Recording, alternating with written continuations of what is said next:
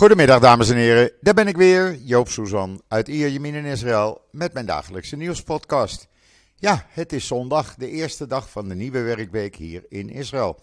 En het weer is schitterend. Ja, s'nachts niet, is het koud, een graad of 6, 7. Maar nu overdag, het is gewoon 20 graden, strak blauwe lucht, een klein briesje. Het is prachtig weer en het wordt zelfs nog warmer.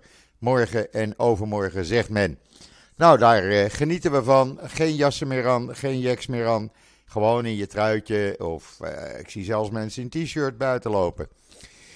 Ja, en dan eh, gisteravond waren weer overal demonstraties door het hele land.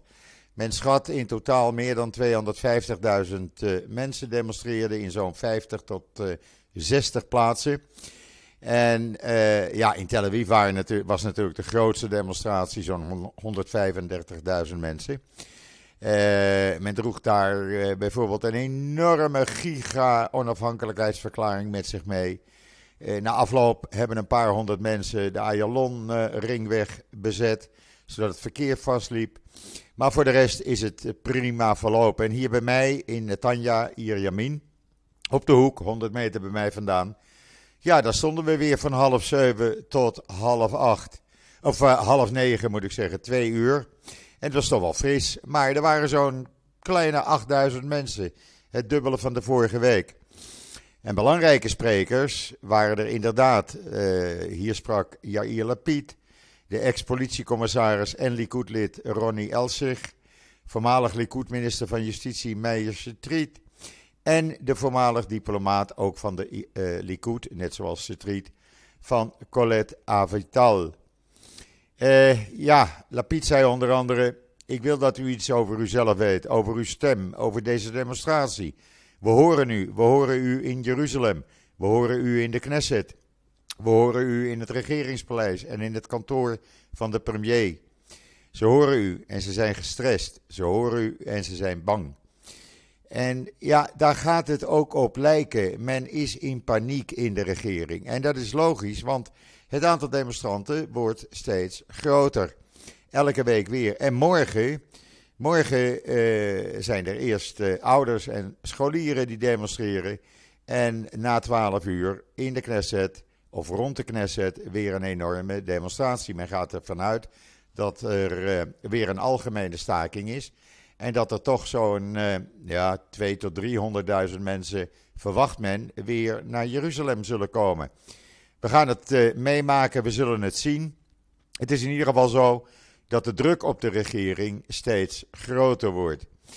Uh, ja, hoe lang dit gaat duren, ik zou het niet weten. gisteravond ook de demonstratie hier, maar ook overal ge gebeurde in alle uh, gemoedsrust, er was geen gevecht. Uh, er werd getoeterd door uh, voorbijgaande auto's. het was gewoon enorm en je voelt je ook één met z'n allen. En zoals nu ook heel terecht zei, en dat is een oud Likud-minister van Justitie, die zei: Netanya is een stad van de Likud. En we zijn hier allemaal aan het vechten. De stad hier vecht voor democratie. Hij zegt: Ik was de minister van Justitie. Ze willen de democratie elimineren en dat mogen we niet toelaten. We mogen ze niet laten doen wat ze willen. Uh, ze willen de rechters elimineren. Ze willen bepalen wat ze zelf willen. Dat mag en kan niet, zei Chetrit. Hij zegt: 32 jaar was ik lid van de Likud en zoiets was er nooit eerder in de Likud. Premier Begin, de oude premier Begin zou hier nooit in zijn leven mee hebben ingestemd. Je moet er geen hand aan geven en er blij, eh, tegen blijven vechten. Nou, dat doen we dan ook met z'n allen. Want zoals de voormalige politiecommissaris eh, Ronnie Elser ook zei: dit is een politiekoop. En het heeft niets te maken met veranderingen in de wettelijke wetgeving. Burgers komen alleen om te demonstreren omdat ze de democratie willen behouden. Dit is niet zomaar een melkachtig protest. Steeds meer mensen sluiten zich aan bij het protest en zijn niet klaar om uh, Netanyahu en zijn regering uh, te laten doen wat ze willen. Het was ook een, uh, indrukwekkend demonstratie, moet ik zeggen.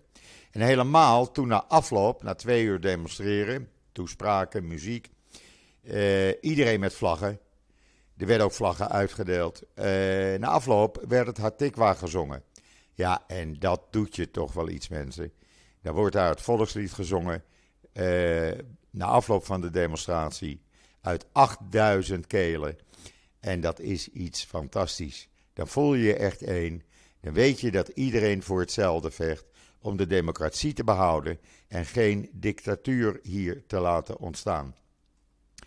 Eh, als je dan ook kijkt bijvoorbeeld in eh, Haaretz en je ziet de foto's, eh, hoe de mensen demonstreren, hoe optochten van tienduizenden mensen richting het centrum gingen hoe voormalig minister van Buitenlandse Zaken Tzipi Livni eh, 15.000 mensen in Haifa toesprak.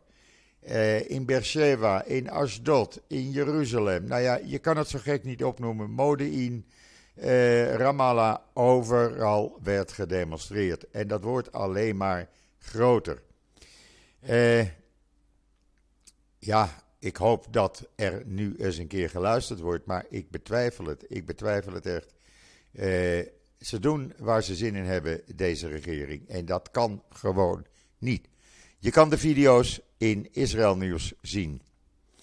En dan het Weizmann Instituut heeft mutaties in de BRCA-genen die leiden tot cellulaire assistenten bij alvleesklierkanker ontdekt. Ja, hadden ze dat maar gedaan voor mijn overleden meisje die uh, alvleesklierkanker had. Maar ja, dat zou je altijd zien. Dan is dat nu later. In ieder geval zullen daar een hele hoop mensen mee geholpen worden. Het hele verhaal kan je trouwens lezen in israelnieuws.nl. Waar je ook kan lezen een geweldige kolom van Bas Belder, voormalig lid van het Europese parlement. Geen werkelijke nakba voor Israëlisch, Israëlische Joden in 1948. Eh, en hij legt het ook helemaal uit. Ik ga het niet uitleggen natuurlijk, want dan gaan jullie niet meer lezen. Maar als je dat, uh, ja, die column van hem leest, dan begrijp je ook, dan begrijp je ook gewoon wat hij bedoelt. Uh, want die Nakba, ja, dat is gewoon in spel gezet, dat is gewoon opgezet en het slaat nergens op. Uh, dat wordt door Palestijnse leiders gebruikt tegen Israël aan. Maar ja, ze doen het allemaal zelf. Lees dat artikel, want het is echt een geweldige column van Bas Belder. En dan een nieuwe rel rond Netanyahu. De Balfour-residentie die wordt nog steeds uh, gerenoveerd. Althans, dat is de bedoeling. Uh, de premier kan er in ieder geval niet wonen. Hij vraagt zelfs: laten we maar een nieuwe residentie maken. Nou, voorlopig kan dat allemaal niet. Uh, dan gebruikt hij zijn woning in Jaffa Street. Nou, dat is logisch dat hij daar dan vraagt van oké, dan moet de staat de kosten van die woning vergoeden. Nou, dat wordt al gedaan, maar ze willen nu ook de huishoudelijke kosten.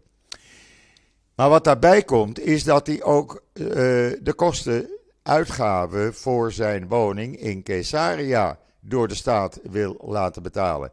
Met andere woorden, de belastingbetaler kan hun weekendhuis betalen. Ja, dat slaat natuurlijk nergens op. Maar wat gaat er gebeuren? Er is een meerderheid in uh, de Knesset. Dus ja, uh, niemand die dat tegen zal kunnen houden, denk ik zomaar.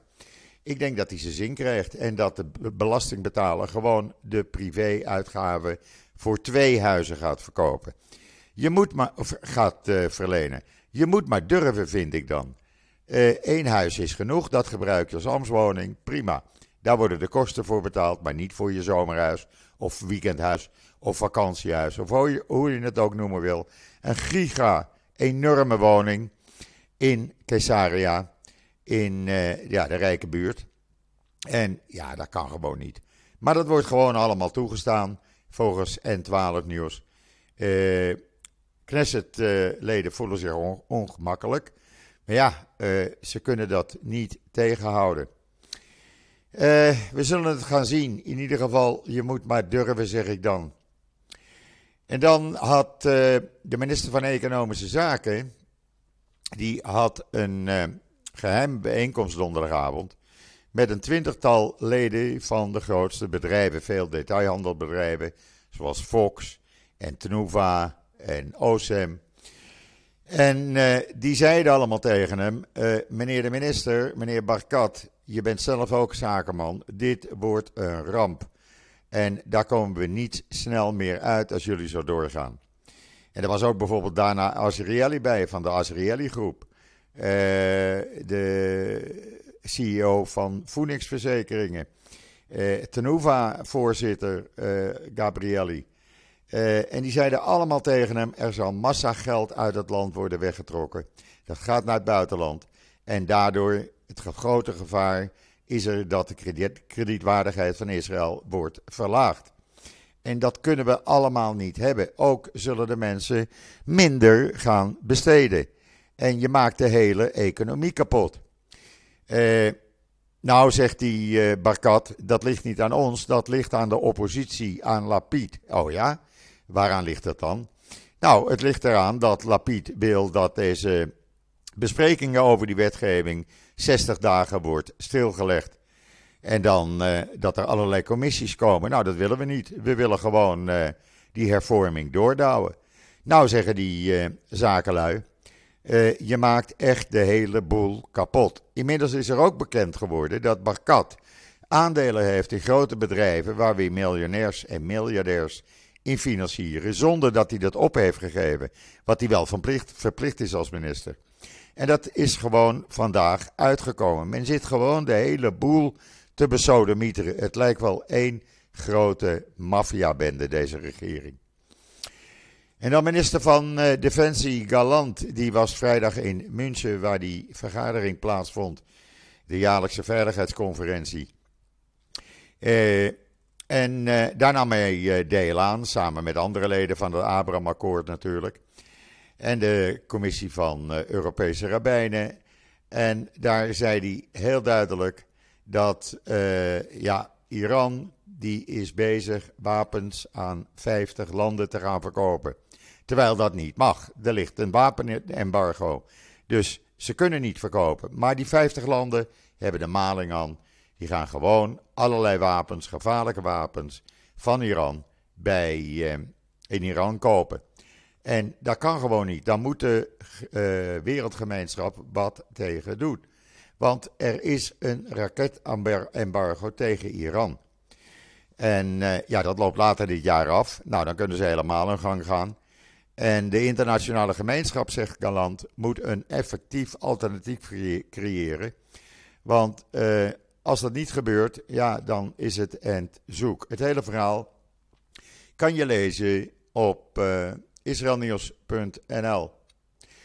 En dan de politiecommissaris, die uh, van uh, zijn baas, de minister van Nationale Veiligheid, de extreemrechtse Ben-Gvir, een van zijn partijgenoten van Otsma Mahoud, te horen heeft gekregen: als jij niet doet wat wij zeggen, dan uh, kan je fluiten naar je baan, want dan ga je gewoon worden ontslaan.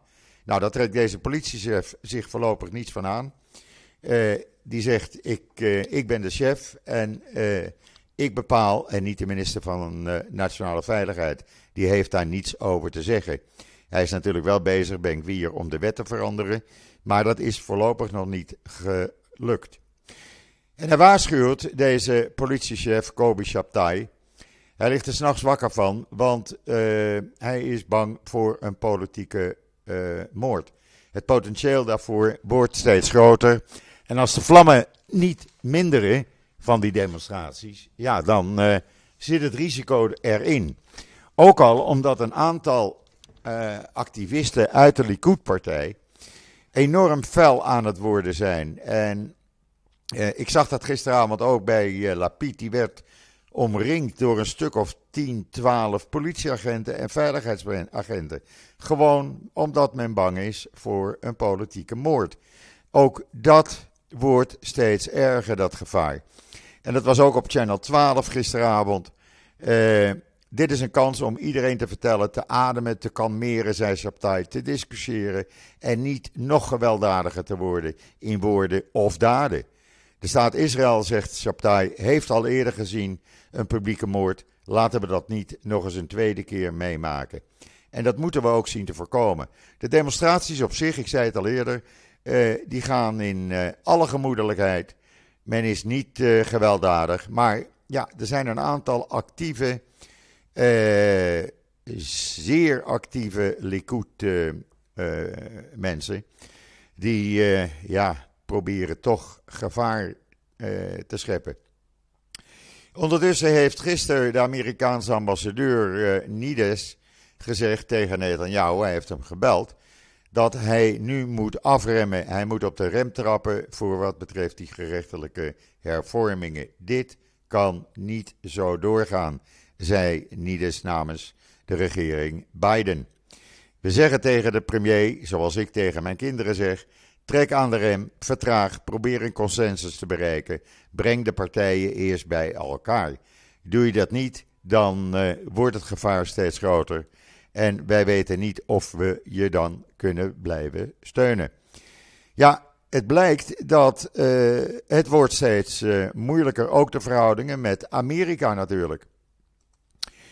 En dan, uh, ja, ook in de Knesset wordt het natuurlijk wat feller, want de minister Chikles, die, of minister, ja, hij is minister, uh, die vond het nodig om, naar aanleiding van die opmerkingen van de Amerikaanse ambassadeur, te zeggen: uh, trap zelf maar op de rem en bemoei je met je eigen zaken. Uh, Chikli is van de Likud en dat zei hij op de publieke omroep kan. Hij zegt verder: Je bent hier niet soeverein om betrokken te raken bij de gerechtelijke hervormingen die we hier willen doorvoeren. We zullen graag buitenlandse en veiligheidskwesties met u bespreken, maar niet dit soort zaken. Ja, het wordt steeds uh, moeilijker om met deze mensen nog een normale uh, discussie te, te voeren. Want ze zijn totaal van het padje af. Dit zeg je niet tegen een Amerikaanse ambassadeur. En dat zeg je niet als je niet zo een belangrijke minister bent. Hij is iets van uh, geestelijke zaken of zoiets. En dit kan gewoon niet. Eh, er zijn honderdduizenden mensen die hier tegen zijn. Stop daar gewoon mee. Uh, Rotman, de man die uh, die wet doordrukt namens de minister van Justitie, die gerechtelijke hervormingen, die wist ook nog een duit in het zakje te doen. Door te zeggen tegen de Amerikaanse ambassadeur: Je bent bang om over de situatie te praten, omdat je weet dat je als Amerikaanse ambassadeur uh, dingen op het spel zet dat niet kan. Uh, praat gewoon en ga niet stotteren en heb het niet bemoeien met je eigen zaken en niet met onze hervormingen. Ja, uh, dit kan gewoon niet. Dit gaat hartstikke verkeerd. Ik ben daar echt doodsbenauwd voor. Want die Benkwier, ik zei het net al even, die heeft dus door iemand van zijn partij laten zeggen dat de politiechef uh, roekeloos en amateurisch is. En uh, ja, uh, dat kan gewoon niet. Deze man doet zijn werk, die zorgt dat het in de komende heilige moslimmaand Ramadan niet gewelddadig wordt, dat we geen aanslagen krijgen. En ja, hij moet gewoon zorgen, Benkwier, dat hij zeven zich met de zaken bemoeit en niet dit soort dingen gaan doen. Je kan niet zomaar zeggen van je doet wat ik zeg, je volgt mijn lijn en anders ben je je baan kwijt. Dit kan gewoon niet. Wat deze man wil, Benkwier, die wil in het ruwweg in Oost-Jeruzalem de boel kort en klein slaan. Nou, dan krijg je gewoon nog meer uh, uh, aanslagen. Laten we nou de zaak een boel een beetje rustig houden. Die Benkwier, die snapt er gewoon niets van. De man kent alleen de politie van binnenuit, want hij is 42 keer gearresteerd vanwege rellen tegen Palestijnen.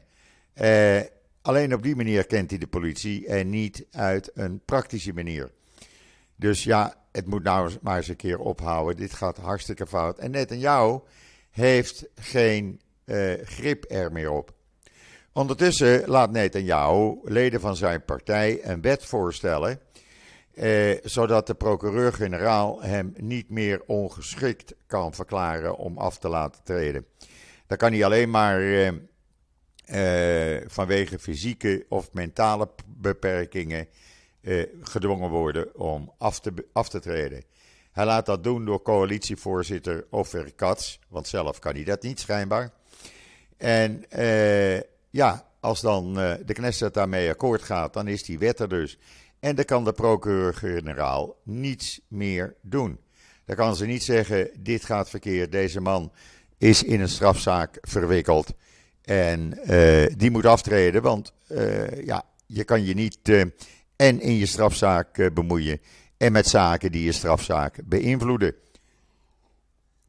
Maar goed, we zullen kijken wat de Likud daar morgen voor gaat doen. Morgen is dus ook die grote demonstratie. En uh, ja, laat maar eens kijken hoe men verder gaat. Maar ik kan u wel zeggen, het is een situatie hier die spannender wordt. Absoluut. En dan zei uh, Damascus vanmorgen dat Israëlische raketten het centrum van Damascus hebben aangevallen. Dicht bij uh, het district Omayadplein. Daar zijn een aantal gebouwen van de Veiligheidsdienst gevestigd maar ook uh, Iraanse kantoren en installaties. Er zouden vijf mensen gedood zijn. Israël, IDF, houdt haar mond. Die zegt: wij weten nergens van. En uh, weigeren commentaar. Ja, het zal, wel, het zal wel waar zijn, zeg ik dan.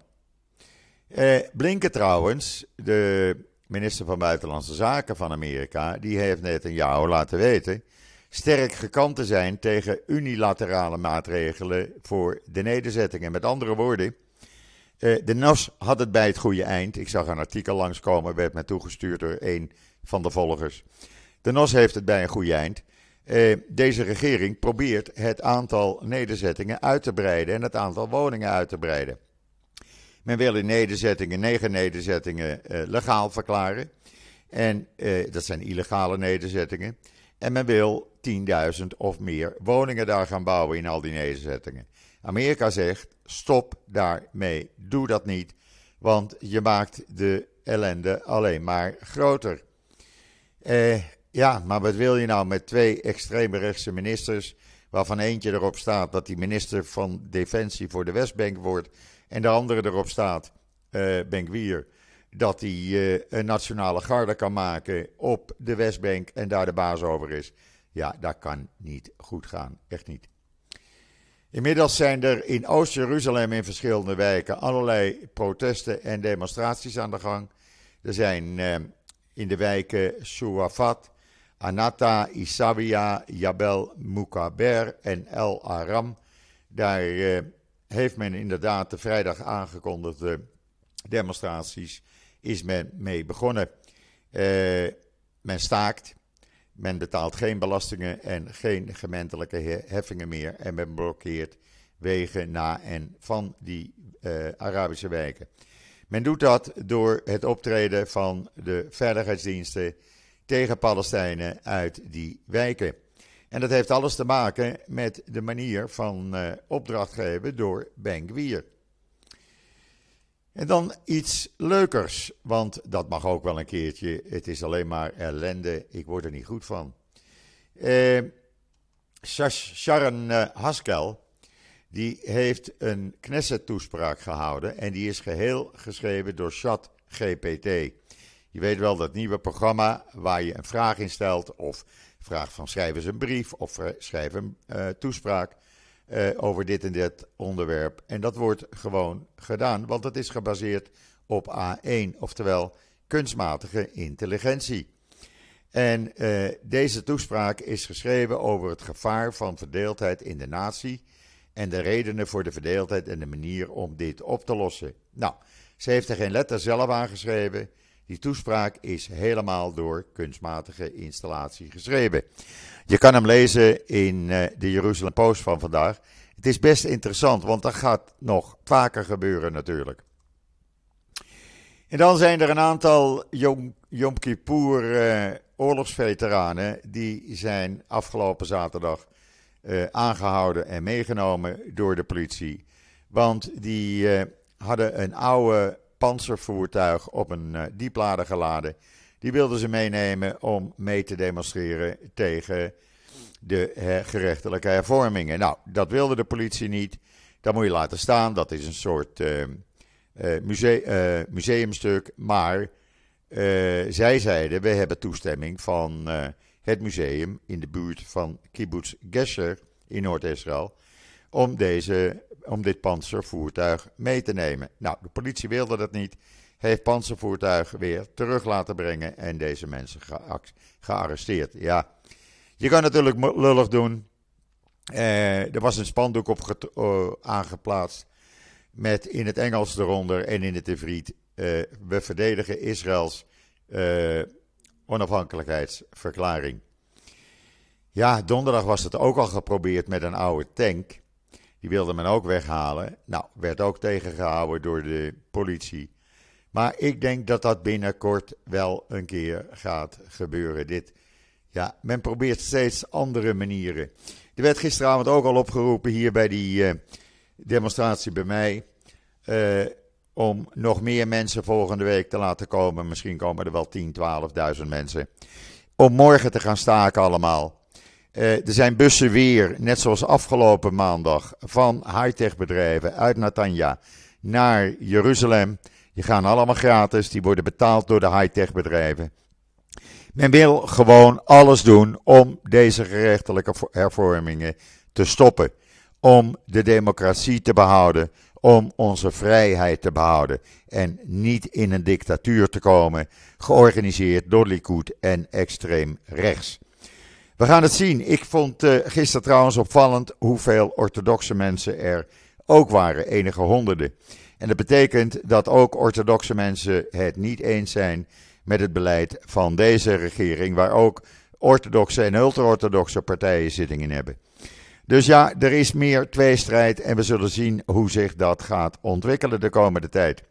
Ik hou jullie zoveel mogelijk op de hoogte. Uh, ik laat jullie weten zodra er iets gebeurt, wat er gebeurt. En uh, ja, uh, hou mijn social media en Israël Nieuws in de gaten. Mocht het heel spannend worden morgen, zal ik een extra podcast maken. Maar ik denk niet dat dat nodig is. Jullie kunnen alles zien morgen, zowel online. Goed, dat was het voor vandaag. Ik wens iedereen nog een hele fijne voortzetting van deze zondag, van deze eerste werkdag van de nieuwe werkweek in Israël.